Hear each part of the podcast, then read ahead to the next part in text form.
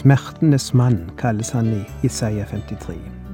Det er litt rart i grunnen når vi vet at Guds sønn var seierherren, triumfatoren, den som ikke hadde noen svakhet eller noen synd. Så kalles han altså samtidig Smertenes mann. Og det er også tittelen på dagens program. og Vi skal høre fra Matteus 26, vers 36 44.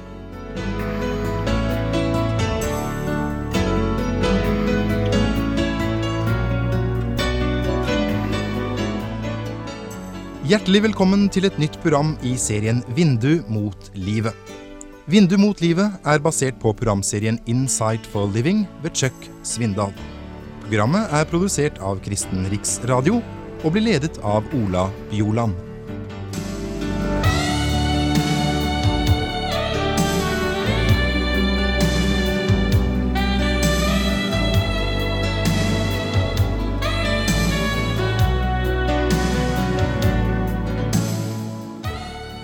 Så kom Jesus sammen med disiplene til et sted som heter Getsemane, og han sa til dem, Sett dere her, mens jeg går dit bort og ber. Han tok med seg Peter og de to Sebedeus-sønnene, og han ble grepet av sorg og gru.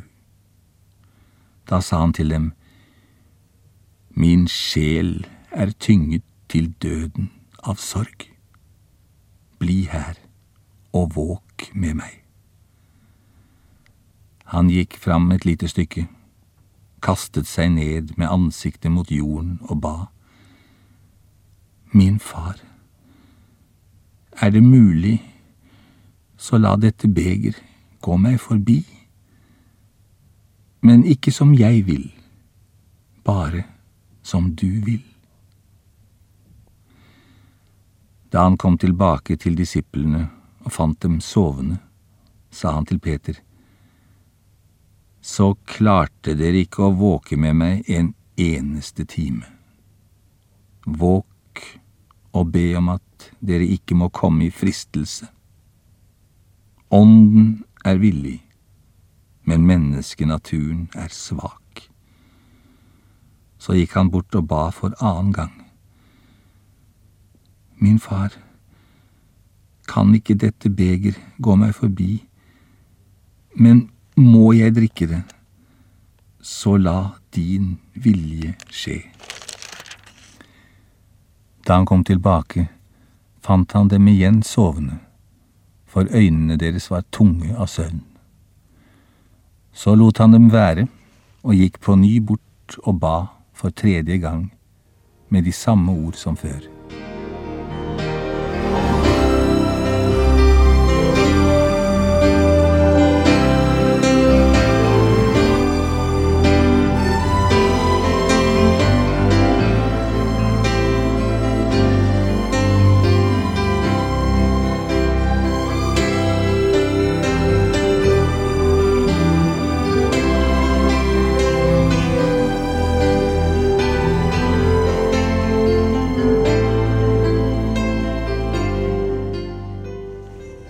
Jesus er nå kommet til det punkt i livet der han skal drikke det han kaller mitt beger.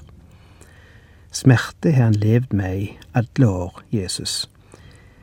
Alle år han har levd på jord. Men det er først nå han opplever det som altså kalles å drikke mitt beger. Smertens beger. Og vi har ikke idé om hva det var som var oppi det begeret. Ja, og vi vet det sånn teoretisk, men vi har ikke sjøl drukket det, så vi vet ikke hvordan det smakte. Vi vet ikke hva det vil si å dø for syndere, å bli beskyldt for noe en ikke har gjort, og bli dømt for det, å bli forlatt av sine egne, å bli forlatt av Gud, å bli sendt ned til dødsriket aleine, å måtte slåss med djevelen aleine. Og om vi kunne sette oss inn i det, som menneske, så er det umulig å sette oss inn i hva det vil si for en som er rein, en som er hellig, å smake døden, å bære synd, å være i dødsriket, å stå ansikt til ansikt med vondskapen. Det er begeret Jesus måtte drikke. Men når vi aldri kan fatte dybden i hans lidelse, er det i det minste noen trekk vi kan identifisere oss med til en viss grad, sjøl om det antagelig bare var overflaten av lidelsen, toppen av isfjellet.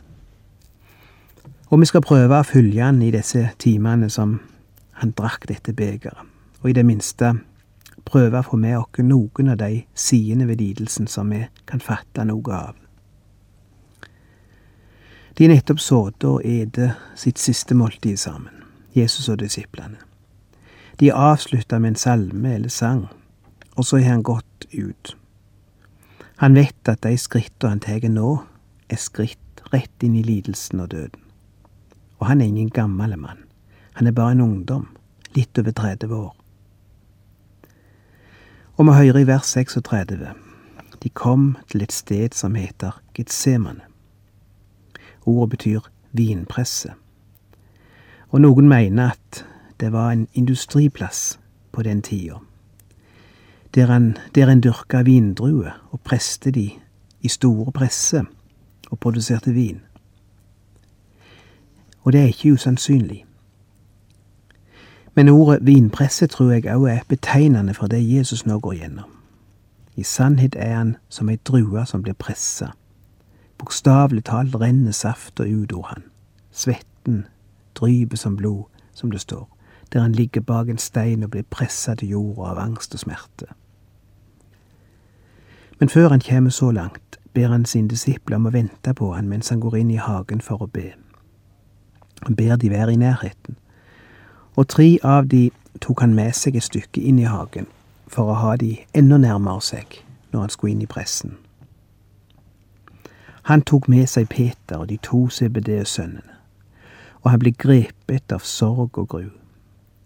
Da sa han til dem, min sjel er tynget til døden av sorg. Bli her og våg med meg. Det viser at Jesus er et sant og heilt menneske.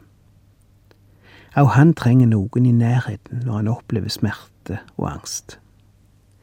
Og Guds sønn trengte noen som var der når han var i sorg og dødsangst. Akkurat som vi. Jeg trenger det, og du trenger det. Noen som er hos deg. Noen som ringer og spør hvordan du har det. Noen som stikker innom. Noen som sitter der ved senga di og heller deg i hånda, kanskje. Jeg glemmer aldri ei dame jeg besøkte da jeg bodde i Amerika, som lå på det siste. Hun hadde aldri snakket med meg før, men nå lå hun og skulle dø, og sendte bud på presten. Hun kunne ikke snakke lenger, og fikk ikke fram hva hun egentlig ville, og barna sto rundt henne og så til fortvilelse at det var noe hun strevde med å få sagt. Det var altså før jeg var budsendt. Og de spurte om igjen og om igjen. Hva er det du ønsker, mor? Hva er det du prøver å si oss? I flere timer strevde de med å finne ut hva det var hun prøvde å si. Og til slutt løfta hun den svake hånda si og skreiv med fingeren på dyna, tror jeg det var, med store, tydelige bokstaver. Pastor. Presten. Og så han sprang til telefonen og ringte til meg med en gang, og heldigvis var jeg hjemme og kunne nå sykehuset i løpet av en halvtime og jeg kom inn på rommet hennes, og hun greip hånda mi, og jeg sa der lenge, og jeg las i Bibelen, og jeg ba, og tårene rann ifra kinnet hennes mens jeg las, og hun lyste opp i ansiktet. Men selv om jeg hadde lest og bedt, så ville hun ikke slippe hånda mi. Jeg prøvde å fortelle henne at jeg måtte gå nå, for doktoren hadde gitt meg beskjed om at jeg ikke kunne sitte der mer enn høyst en halvtime så måtte de slippe til igjen. Hun lå der med slanger og maskiner overalt. Og da halvtimen var gått og sykepleierne kom inn, så måtte jeg si til henne, jeg må gå nå, men jeg kommer igjen. Men hun brukte de siste kreftene hun hadde til å holde meg fast. Hun ville ikke slippe meg, hun ville ikke slippe hånda. Hun ville ikke la meg gå. Og til slutt måtte legen si det ganske krast til meg. Jeg beklager, men du er nødt til å gå nå for vi er nødt til å gi henne noen behandlinger. Det kan ikke vente lenger. Og jeg måtte ta hånda hennes og nesten rive den løs ifra mi. Det var forferdelig. Men heldigvis levde hun ei stund til, så jeg fikk anledning til å besøke henne igjen og sigge hos henne. Men det var en veldig sterk opplevelse, dette. For det minte meg om hvor vi trenger noen å være hos oss når vi står overfor vår siste fiende, døden. Hvor vi trenger ei hand å holde i da. Og hvor Jesus trengte det òg, sjøl om han var Guds sønn. Han tok sine disipler med seg inn i hagen, og de tre nærmeste tok han med seg heilt inn til den plassen der han skulle kjempe sin dødskamp. Bare noen meter trakk han seg unna de. Men tre ganger måtte han gå tilbake for å se om de fortsatt var der, og om de var med han i kampen. Men hver gang måtte han vekke de. De hadde sovna. Og legen Lukas, som alltid er interessert i de medisinske detaljene, han skriver, og han kom i dødsangst og ba enda mer inderlig, så svetten falt som bloddråper til jorden. Og vi har sett maleriet av Jesus i Getsemanehagen, der det, det dryper røde bloddråper fra panna hans. Det er den frihet en kunstner kan ta seg, men det er ikke det som står i teksten. Lukas sier ikke at han svetta blod, at det var bloddråper som pipla fram. Han sier det var svettedråper, men at de pipla fram akkurat som blodet gjør når vi har skåret oss eller skrapt oss. Han svetta så klærne vart gjennomvåte av svette. Han var som i ei vinpresse, der safta blei pressa ut av vann. Getsemane, vinpressen. Smertenes mann. Er det ikke litt trøst i det, at han, Guds sønn, ble kalt smertenes mann? At han gikk via Dolorosa, smertenes vei?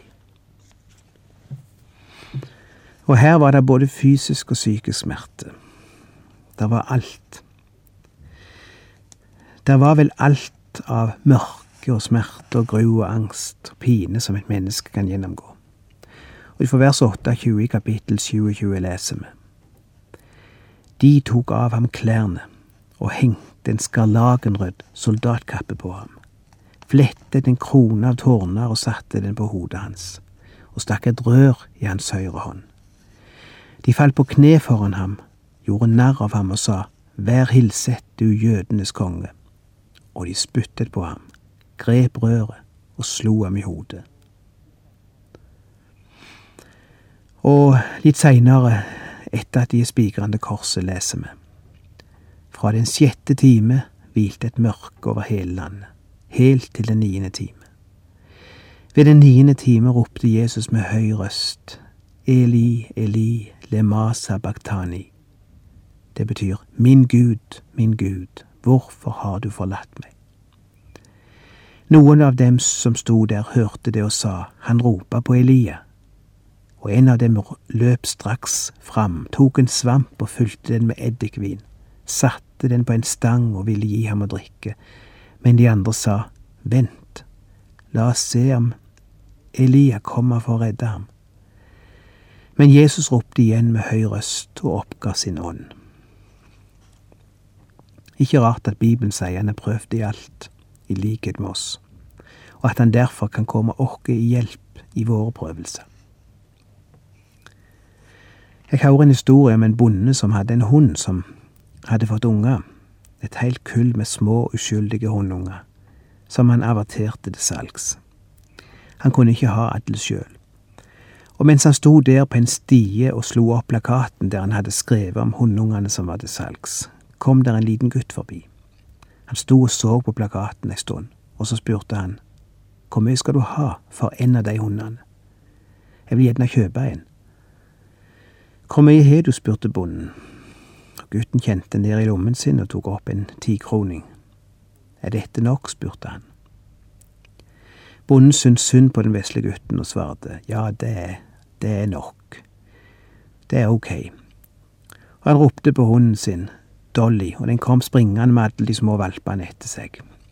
Og den lille gutten sto der og så på de, og de hoppet opp til han og slikte han og lekte og logra med, med halen, slik som små hundunger kan. Og til slutt, bak i rekka av valper, kom en som var litt mindre enn de andre, og han sprang litt seinere enn de andre. Han var svakere, og han hadde noe galt med bakføttene, så han ikke kunne springe så fort. Og gutten pekte på den og sa, den vil jeg gjerne ha. Og bonden sa, nei, du kan ikke ta den, den har en sykdom, den er ikke helt frisk. Du vil få mye mer glede av en av de friske. Den der kan ikke engang springe skikkelig. Den vil ikke komme til å bli som andre hunder. Vil ikke komme til å springe så fort som de andre. Gutten bøyde seg ned og begynte å trekke opp buksebeina, og trakk det ene buksebeinet oppover leggen, helt opp til kneet. Og det kom til syne noen stålskinner eller jernskinner langs leggen hans. Foten var tynn og bleik og vissen, og han måtte gå med skinner for å holde seg på føttene. Han kikket opp på bonden og sa, Du ser, mister, jeg er ikke så flink til å springe sjøl, så jeg tenkte at denne valpen ville trenge en som kunne forstå han når han ikke klarer å springe så fort. Det er det Bibelen sier om Jesus, en som er prøvd, en som forstår. Når du opplever smerte i livet, når du er stripe i lakken, når du blir ydmyka, når du opplever motgang og urettferdighet, nederlag og sorg, så skal du få se på hans smerte og vite at han forstår. Han vil forstå deg som ikke klarer å springe så fort som de andre. Han vet hva det er å bli spytta på. Han vet hva det er å bli korsfesta av nådeløse mennesker. Han vet hva det er å tigge Gud om lindring for smerten, og tigge Gud om en annen vei som ikke er så smertefull. Han har gått den veien sjøl. Jeg snakker nå til noen mennesker som opplever smerte i livet. Ensomhet, kanskje. Jeg snakket om ensomhet i et program her forleden, og postkassen var full av brev fra mennesker som visste hva det vil si å være ensomme. Det var noen utrolige historier jeg fikk høre. Jeg trodde jeg visste litt om hva ensomhet var, men etter å ha lest noen av de brevene forsto jeg at jeg hadde ikke visst mye om det. Jeg snakka til noen som er blitt forlatt, forsmått, forsømt. Noen som har opplevd at ektefellen spaserte inn i stua en dag og fortalte at han hadde funnet en annen, og deretter pakket han sakene sine og forsvant. Mange har opplevd det. Det er smerte. Jeg snakker til noen som er blitt mishandla, som barn kanskje misbrukt, mishandla, skjenda. Og det er så smertefullt at mange orker ikke snakke om det engang. Du føler deg forvirra, skuffa, såra, deprimert, misforstått, ydmyka, spytta på. Jeg snakker til noen som har opplevd fysisk smerte, eller som opplever det nå. Som våkna til smerte om morgenen og sovna ifra smerte om kvelden. Jeg ønsker ikke å tale lettvint om alt dette, og jeg sier ikke kom til Jesus så skal alt bli bra. Jeg sier heller ikke at Jesus skal erstatte de vennene du mista, eller savna, mennesker som skulle stått ved sida di og støtta deg, men som ikke er der kanskje lenger. Men samtidig så vet jeg at ingen forstår deg så godt som Jesus sjøl. Han som ble kalt smertenes mann. Han som gikk smertens vei. Han som er vært gjennom det, og som kjenner det. Han som du ikke engang trenger å forklare det til, for han vet det og kjenner det. Det er kjent stoff for han, alltid sammen. Og uten at det skal høres lettvint ut, så har jeg lyst til å si at mellom permene i denne boka, Guds bok, som kalles Bibelen, er det stoff som ville gi deg trøst og lindring og mot og styrke i akkurat den situasjonen du er i. Du som ennå ikke åpna den boka, eller sluppet han inn i din smerte. En ung mann ifra en velstående familie skulle feire sin 18-årsdag, og han hadde gjort klart for sine rike foreldre at han yngste seg en bil i gave, slik det var vanlig i deres omgangskrets at barna fikk på sin 18-årsdag. Og han hadde vært ute sammen med faren og sett på hvilken bil han yngste seg, og han hadde pekt ut en, og var sikker på at den ville han få. Og dagen for det store selskapet var kommet, og gaver skulle overrekkes, og faren kom inn med gaven til gutten sin. Og til alle sin store overraskelse, og til gutten sin store forskrekkelse og skuffelse, var det en bibel. Og gutten blei så skuffa og sint at han sprang ut av huset og forsvant, og faren så han aldri mer igjen. Han kom ikke heim før han las i avisen noen uker seinere at faren var død. Og etter begravelsen satt gutten en kveld og gikk gjennom noen av faren sine eiendeler, rydda opp i øsje og skap og ting som de skulle arve etter han. Og plutselig kom han over den bibelen som han hadde fått av faren på gebursdagen, men som han hadde slengt ifra seg da han hadde sprunget ut av huset og forsvunnet. Han blåste støv av den og åpna den, og inni den lå det en konvolutt. Og han åpna konvolutten, og inni den lå det en sjekk med den datoen på som var bursdagen hans. Og sjekken var på et beløp som var akkurat det den bilen kosta, som han hadde ønsket seg. Men han hadde ikke tatt seg tid til å se etter den gangen i den boka. Jeg vet ikke om du har tatt deg tid til å åpne den boka og se etter hva som er inni den. Du vil finne verdier der som du ikke drømte om. Ikke en sjekk men verdier som vil gi deg mye mer enn en sjekk som du kan kjøpe en bil for. Men du må åpne den boka og begynne å finne ut hva som er inni den.